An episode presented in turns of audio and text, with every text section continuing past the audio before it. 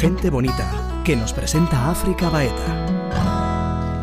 Pedro Brañas es médico especialista en salud pública y máster en bioética. Enseña espiritualidad no dual. Conoció en 2001 a su maestro Francis Lucil, un reconocido discípulo de Jan Klein en la tradición Advaita Vedanta. Siendo fiel y honesto con el camino de la verdad, Pedro descubrió la respuesta a las preguntas que siempre se había hecho. Todo es conciencia y esta no nace del cerebro. Somos conciencia manifestándose a través de cada uno de nosotros. El sentido de carencia se basa en la creencia de que la felicidad depende de los objetos. Sin embargo, la presencia no está condicionada ni por el tiempo ni por el espacio. Es amor puro, puro esplendor. Gente bonita con África Baeta. Bienvenido a Gente Bonita. ¿Cómo estás? Muy bien, gracias. Bueno, la primera pregunta es obligada. ¿Quién eres? Soy una persona como tú. ¿Y yo quién soy? Lo mismo que yo. Los dos somos lo mismo llegar a la conclusión de que los dos somos lo mismo requiere un, largo proceso, un largo camino de, yo creo que de autoconocimiento, ¿no? Hasta, hasta dar con la verdad. Pero la primera pregunta que se me ocurre hacerte es, si tú y yo somos lo mismo, ¿por qué yo no sé lo que estás pensando y lo que me vas a responder? Porque tú y yo somos lo mismo, pero nuestras mentes son distintas y igual que tu pie y mi pie son dos pies distintos, tu cuerpo y mi cuerpo son dos cuerpos distintos, y yo no sé a qué te sabe la boca en este momento. La mente, tu mente y mi mente son dos mentes distintas, porque las mentes dependen del cerebro en gran parte, o van muy asociadas al cerebro, y tu cerebro y mi cerebro son dos cerebros distintos. No somos uno a ese nivel, somos uno a un nivel más profundo. Háblame de ese nivel más profundo. El nivel más profundo yo lo defino como conciencia, que es aquello que, eh, sea lo que sea en este momento, te permite a ti verme y entender lo que digo y a mí también. Y es eso que realmente queremos ser más profundamente, porque si yo te cortase las manos, seguiría siendo tú. Y si te corto los, los brazos y las piernas, seguiría siendo tú. Para los médicos podríamos cortarte por el cuello y conectarte a una máquina y mantener tu cerebro perfectamente vivo y todos y tus sentidos, por lo menos la vista, el, habla funcionando y el oído, seguiría siendo tú. ¿Por dónde tendría que cortar para que dejaras de ser? ¿Por qué negamos siempre lo que somos? ¿Cómo es que nos sentimos separados? ¿En qué experiencia me baso para sentirme separada? Yo creo que nos sentimos separados por aprendizaje en gran parte, porque aprendemos esto de, de la cultura, de nuestros padres, de nuestros amigos, de, de, la gente, como tenemos una visión científico-materialista del, universo, nos hemos convencido de que la conciencia es un producto del cerebro, de que eso que entiende, eso que te permite entender lo que ve, ver y entender lo que ves y entender lo que oyes, es un producto del cerebro. Y esta, esta creencia está más arraigada hoy en día porque, porque esta es nuestra visión. Entonces, ¿cómo se desarrolla esto? No lo sé.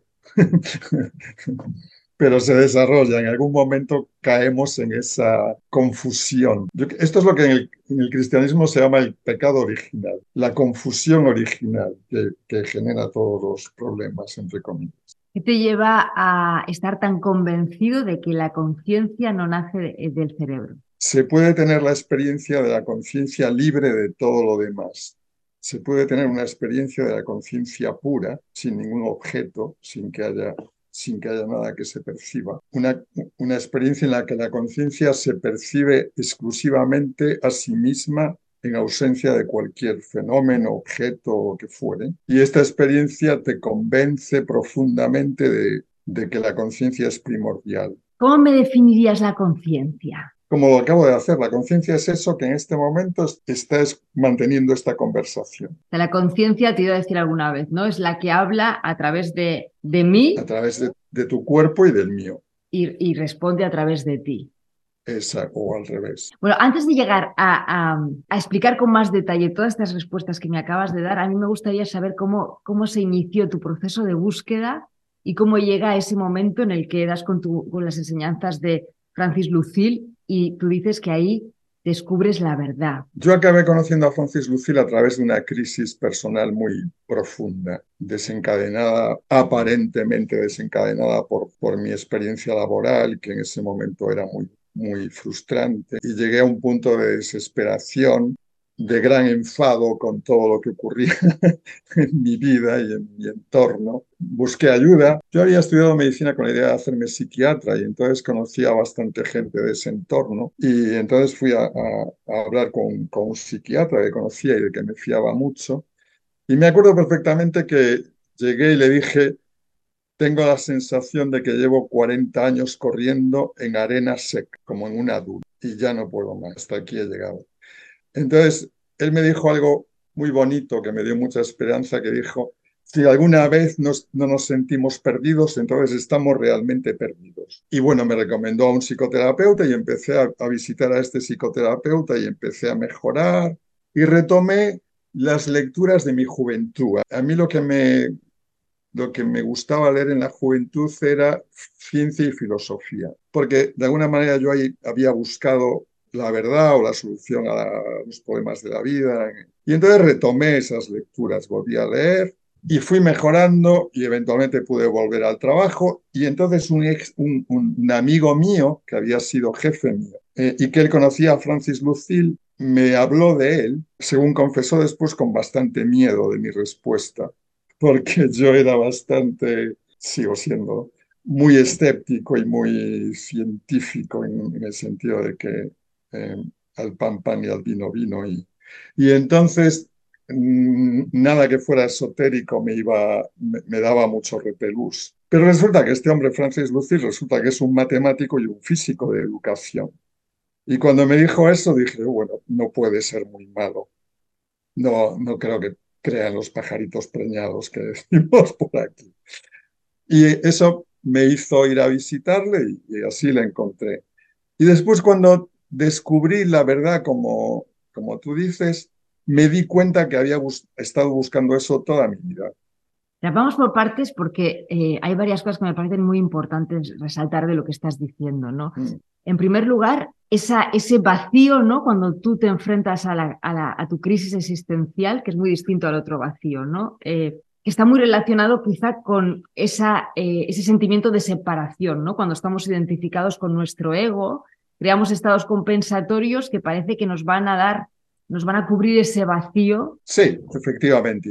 En mi caso, es, esa compensación la buscaba en el trabajo. El sentido de mi vida, de alguna manera, era conseguir hacer algo a nivel laboral que fuera interesante. A la larga, esos estados compensatorios que se supone que, que tienen que saciar ese vacío del ego, lo que te provocan es más vacío y entramos en crisis. Bueno, en mi caso sí, pero no sé si es en todos los casos, no me atrevo a decir no. Y luego cuando, eh, cuando llegas eh, delante de Francis Lucille y le escuchas, ¿qué pasa? ¿Qué pasa? ¿Cómo, cómo, cómo decía la verdad? Lo que pasa es que él dijo lo mismo, empezamos, yo empecé, yo empecé a escuchar porque no, nunca había, no tenía ni idea de todo esto, ni nunca había oído hablar del tema, básicamente. Y entonces empezamos, yo empecé a hacer muchas preguntas porque yo soy bastante curioso y me gusta indagar. Si me dicen algo, te voy a, te voy a, a buscar, eh, a ver, esto que dices es cierto o no es cierto. Y entonces él dijo que el problema era que pensábamos que la conciencia depende del, bueno, definió la conciencia como la defino yo y esto depende del cerebro y esto, si esto es así, depende del cerebro, claro, nos da una visión totalmente sesgada de la vida. Porque eso, que es lo que nosotros somos tan importante, si depende del cerebro, es perecedero y se muere cuando se muere el cerebro y desaparecemos. Y entonces yo escuché esto y, mi primera reacción fue decir, oye, es que yo soy médico y sé que, sé que la conciencia depende del cerebro. Y entonces empecé a, a contraargumentar y me di cuenta en poco tiempo que no tenía ninguna prueba de que, de que eso fuera así. Y en algún momento se cayó el, el castillo. Mm, hubo un momento que me emocioné y, y, después esa emoción en algún momento ya fuera del sitio me llevó a, a este descubrimiento de la verdad. Es decir, que ese descubrimiento de la verdad a veces llega por lo que no es la mente pensamiento, la mente chiquitita, y es una experiencia que va más allá de la mente. Sí, no, no es una, una experiencia mental. ¿Qué entiendes por verdad? Espero que lo mismo que tú. dos y dos son cuatro, esto es verdad. Mm, cualquier A ver, esto es una verdad muy simple, pero los humanos tenemos esta capacidad innata de reconocer la verdad. Si yo intento decirte que dos y dos son cinco, tú dirás que no. Y aunque lo pienses, no es porque te enseñaron en el colegio que dos y dos son cuatro, sino que una vez que tú has entendido en qué consiste la suma, sabes que dos y dos no pueden ser cinco, son cuatro. E, esta capacidad la tenemos para todo. Es algo interior. Si, si alguien te viene contando una, una trola, una cosa que no tiene, algo en ti te dice, no, esto no es cierto tenemos, es una capacidad innata, venimos de, de fábrica con eso. La conciencia tiene la capacidad de reconocer la verdad, tiene la capacidad de reconocer la belleza. La verdad solo puede reconocerse a sí misma, pero ¿cómo lo llevamos a la práctica? Una vez que reconocemos esto, reconocemos esta verdad, o por lo menos, aunque no, llegamos, aunque no lleguemos a tener una visión completa de esta verdad, nos de, empezamos, estamos en una situación en la cual podemos decir, bueno, puede que la conciencia depende del cerebro? Puede que no. No lo sé, pero no lo sé realmente. Quiero decir, estoy abierto a la posibilidad de que sea sí o que sea no. En ese momento podemos empezar a vivir a partir de esa hipótesis. Hasta ese momento hemos vivido con la hipótesis contraria, hemos vivido de acuerdo a la hipótesis de que la conciencia depende del cerebro. Y nuestra experiencia ha sido la que, la que haya sido en cada uno. Y una vez que por alguna razón empezamos a cuestionarnos esto y empezamos a investigarlo llegamos a una situación de decir, no sé si la conciencia depende del cerebro, podemos probar a vivir desde la otra hipótesis. ¿Cómo vivir desde la otra hipótesis? por eh, ejemplo. Siendo seres humanos y viviendo en una sociedad. Es que, es que somos seres humanos, no hay, ningún, no hay ningún problema con ser ser humano, eso es lo que somos seres humanos. ¿Cómo lo ponemos en práctica? E, es una pregunta interesante y uno podría pensar, ¿cómo puedo poner en práctica vivir desde una, desde una hipótesis de algo que no conozco? Pero la prueba de que, de que en el fondo lo conocemos es que podemos vivir desde ese punto de vista. algo nos dice cómo se hace eso. Pues, por ejemplo, cuando vas a comprar el pan, acuérdate de que la persona que te vende el pan eres tú mismo vendiéndote el pan a ti mismo si uno se comporta de acuerdo con la realidad, las cosas deberían ser más fáciles, porque es, más fácil salir de la habitación por la puerta que por la pared. ¿Por qué? Porque la puerta es real y se abre y te deja salir. Y la pared también es real y es impenetrable. Si uno vive de acuerdo a la realidad, la vida es más sencilla. Probando a vivir desde este punto de vista, la realidad le va confirmando, la experiencia le va confirmando si es así o no. O sea, no está reñido lo que estás diciendo con, con tener un sentido personal del yo. Lo que hay que tener un sentido como tienes cuando conduces el coche. El coche no eres tú, pero tú sabes las dimensiones del coche y cuando conduces va, sigues las reglas de tráfico y vas por la derecha y sabes perfectamente hasta dónde te puedes arrimar a la acera o no. Con tu cuerpo puedes hacer exactamente lo mismo. Tú sabes que eso es tu vehículo de alguna manera, es tu herramienta, la manejas perfectamente. El único problema es esta creencia de que la conciencia depende del cerebro. Después todo lo demás funciona exactamente igual. Lo que pasa es que una vez que tú te liberas de esta creencia o la pones entre paréntesis, de alguna manera dejas de ser un paranoide. Si yo pienso que todos los hombres son peligrosos, o que todas las mujeres son peligrosas, o que los franceses son peligrosos, cuando vea a un francés andaré con cuidado, porque esa es mi creencia. Si miro al francés con, con, mucho, con mucha preocupación, el francés lo detectará y actuará en consecuencia. Y entonces confirmará mi creencia de que los franceses son peligrosos. Entonces aquí ocurre lo mismo. Si yo pienso que cada uno somos separados eh, e interacciono con la gente desde ese punto de vista, todo va confirmando que somos separados. Esto es algo que, que, te lo da la gracia, ¿no? El, quitarte ese, ese, velo en cierta manera de, de encima y empezar a ver que yo soy otra forma de ti cómo una persona se puede dar cuenta de su propia ausencia, ¿no? De que no es quien piensa que es. Lo da la gracia, pero la gracia, entre comillas, por ejemplo, los monasterios hay mucha gracia. Lo que quiere decir que la gracia somos, ya la tenemos, ya viene también de fábrica con nosotros. Tenemos esta capacidad de descubrir lo que somos. Eh, y, por ejemplo, en los monasterios, tanto cristianos como de otras tradiciones, del hinduismo, zen, hay mucha gente que descubre esto, no es algo excepcional.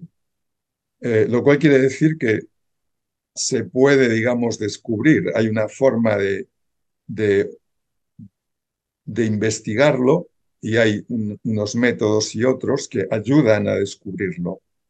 ¿Y no consideras que hay em, necesidad de ir deconstruyendo eh, tus propios programas mentales que muchas veces te, te llevan a, vivir desde la reactividad? O sea, es como que me, me han puesto un Word y de repente descubro que yo no soy ese Word.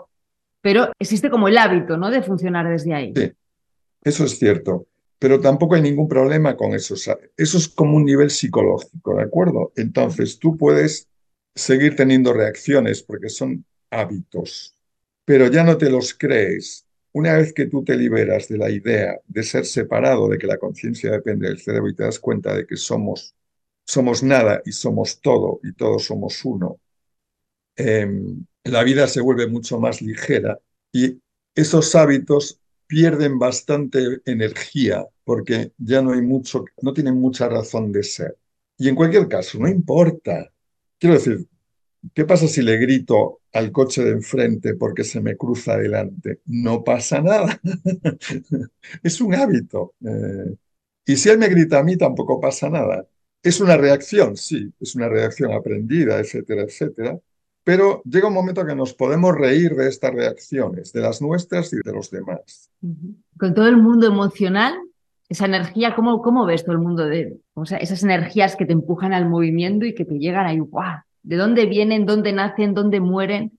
Todo nace en el mismo sitio, todo nace en la conciencia y todo muere en la conciencia. Y las emociones es otro instrumento más que tenemos, que las emociones son fantásticas. ¿Qué haríamos sin las emociones? No, no podríamos, la vida sería muy sosa sin emoción. De hecho, es la emoción y la pasión lo que te lleva a descubrir la verdad. ¿Cómo gestionas? No me gusta mucho la palabra gestionar, ¿eh? pero ¿cómo, ¿cómo te llevas tú con tus emociones? ¿Cómo las observas? ¿Cómo las vives? Con total naturalidad. Quiero decir, si me enfado, me enfado, y si no me enfado, no me enfado, si me río, me río. Todo este mundo, digamos, psicológico deja de ser el centro de tu vida.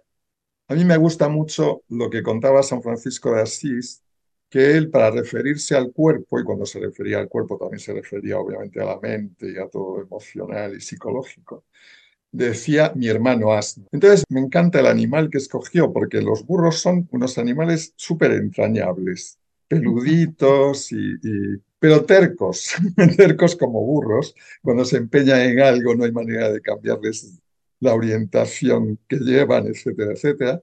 Y así somos nosotros, somos nuestro cuerpo, mente, nuestra psicología es mi hermano asno. Y tienes que tratarle con cariño, intentar convencerle para que vaya por donde debería ir, sabiendo que no siempre va a ir por ahí. Hay una cuestión a mí que, me parece fundamental, es, y seguramente le hace mi ego esa pregunta, ¿no? Pero, ¿por qué y para qué la conciencia toma forma humana? yo esa pregunta no la puedo responder. Eh, creo que es una pregunta, mm, como dices tú, que viene de tu ego en el sentido controlador, de mi ego controlador, necesita saber sí, para qué sí, exacto, es una especie de, bueno, si me dices esto, sí, pero ¿qué va a pasar conmigo y, por qué ocurre esto?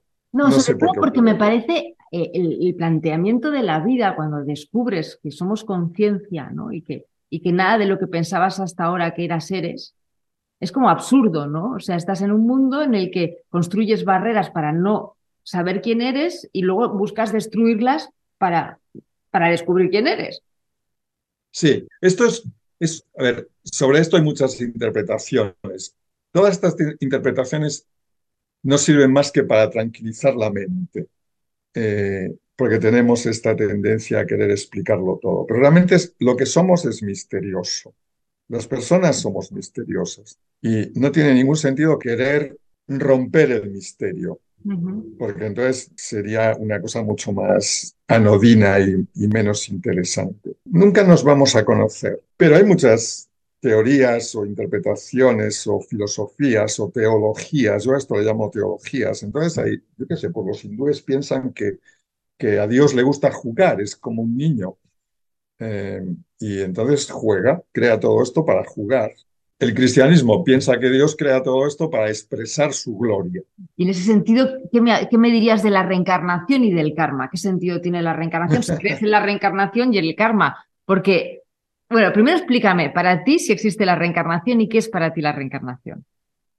Para mí no existe ni deja de existir. Desde mi punto de vista no, no, no, tiene, no tiene ningún sentido. Pero en cualquier caso, dado que hay infinitas posibilidades y la conciencia no tiene límite.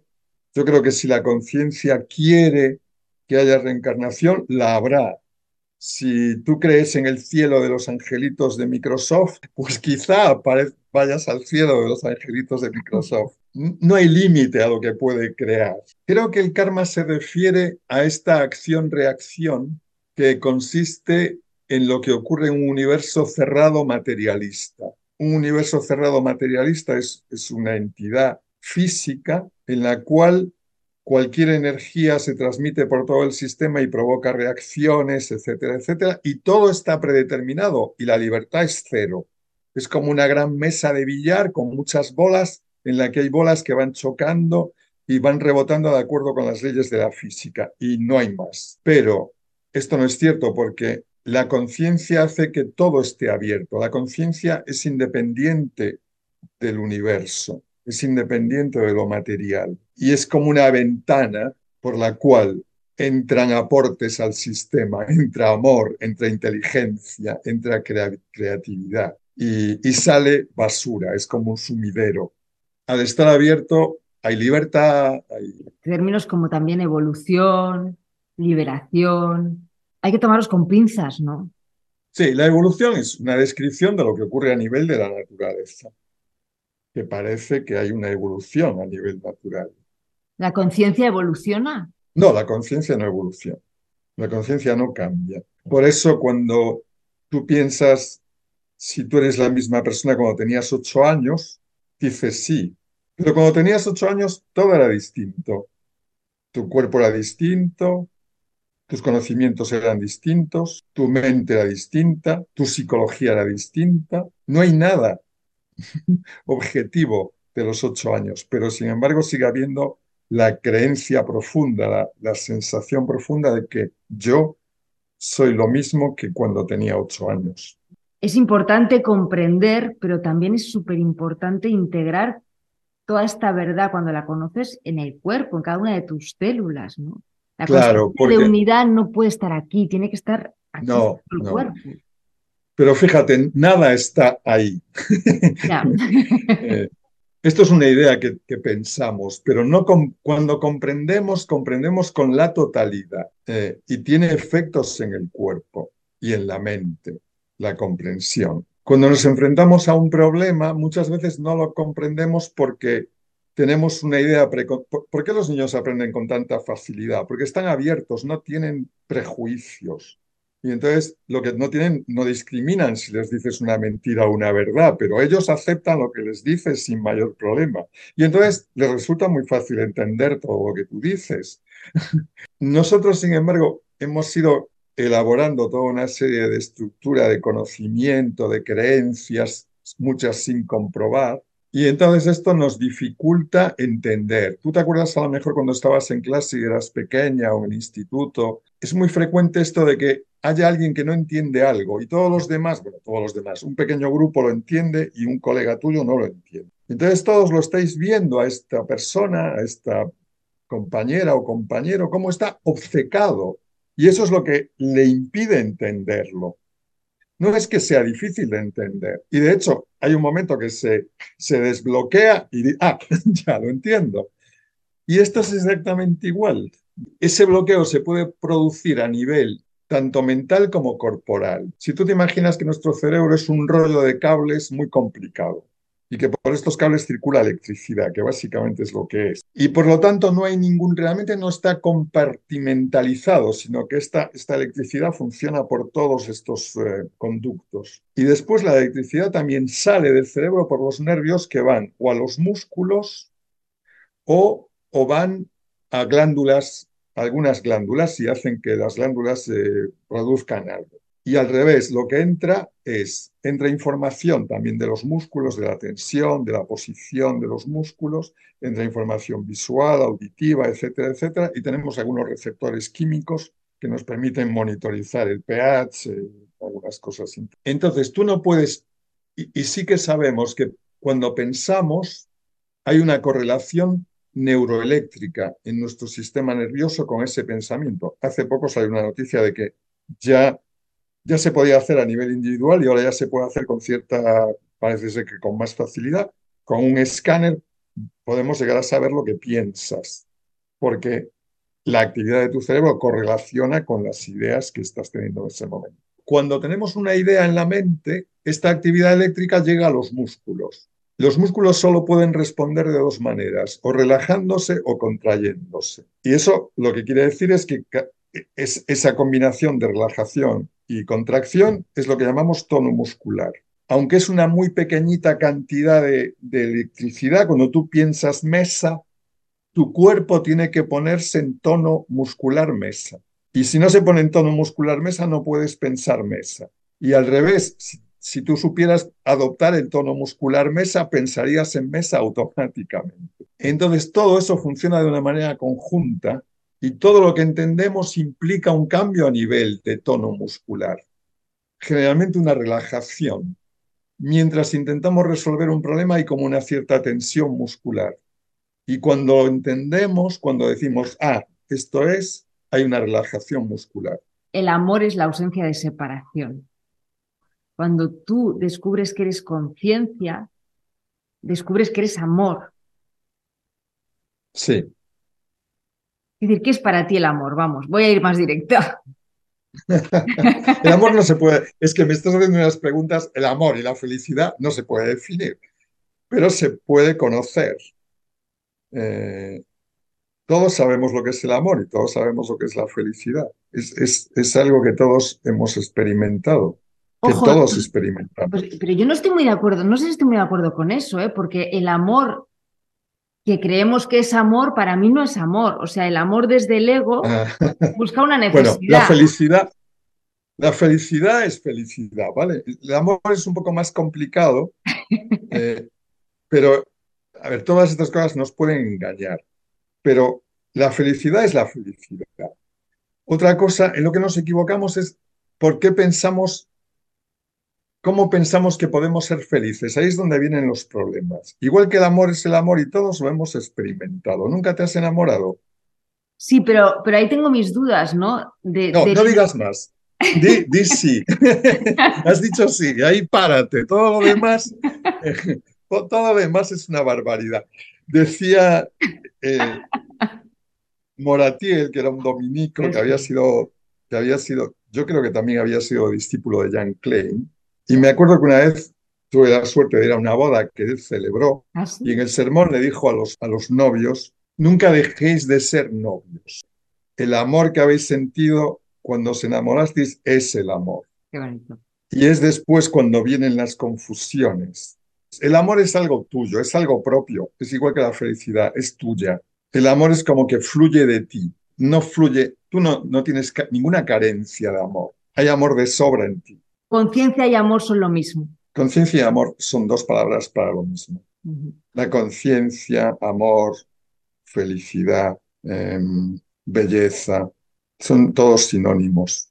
Todos son palabras que no se refieren a un objeto, y por eso no se pueden describir. Solo se puede, con lenguaje poético se puede, digamos, apuntar en esa dirección, pero realmente no se puede describir, porque tú eres consciente en este momento, pero si yo te pido que describas la conciencia, no vas a poder hacerlo.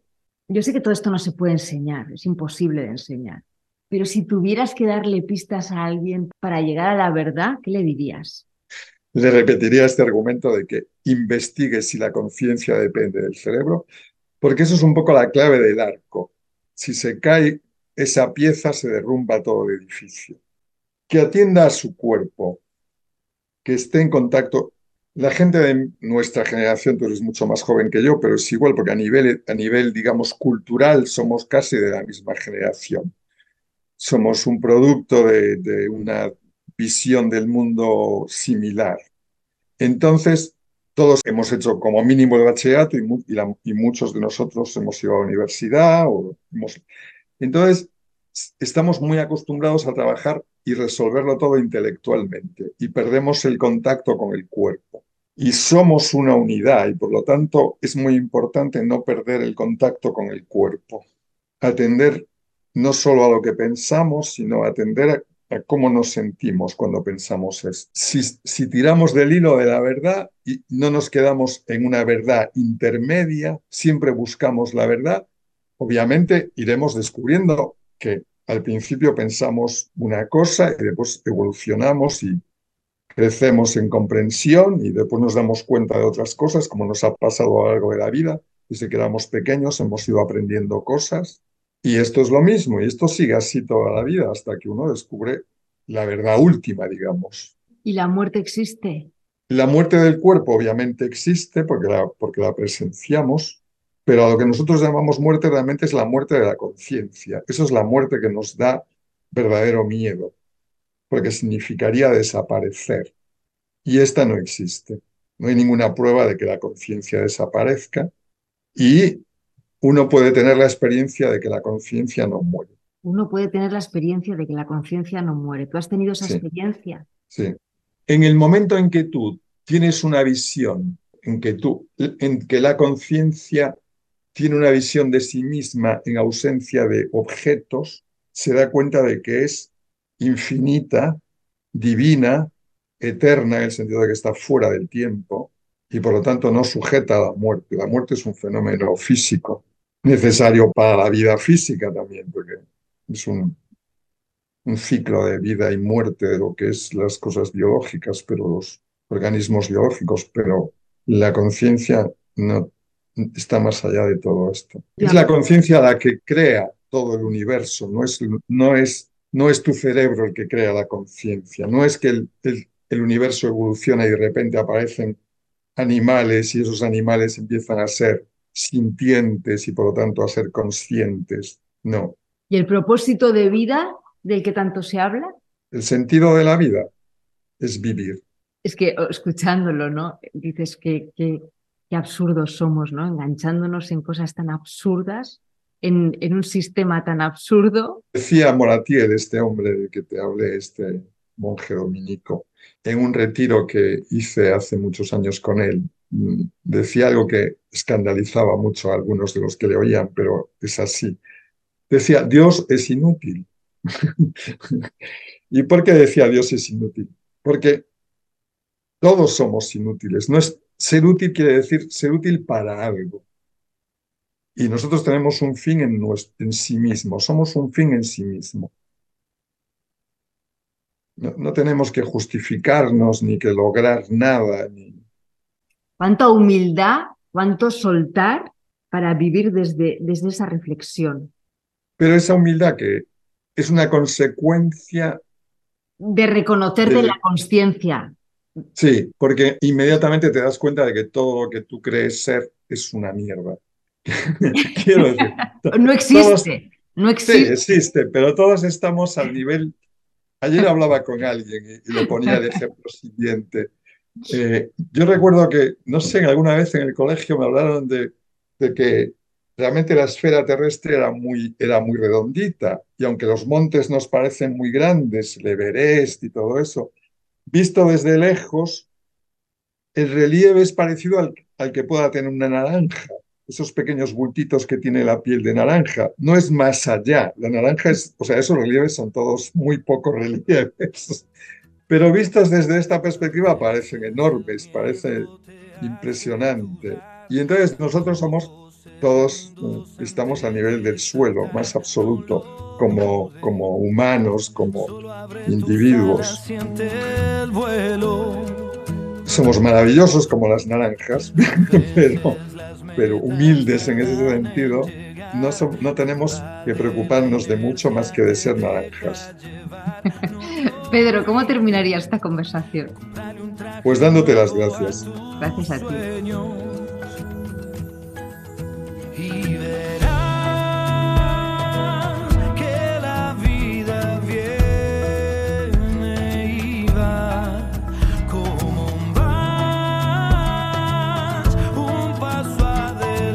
Gente bonita en ITV Podcast.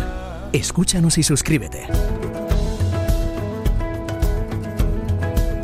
Y lo mejor, lo mejor. Puedes ver la entrevista completa en el canal de YouTube Gente Bonita. Y si quieres escuchar otras conversaciones, síguenos en ITV Podcast.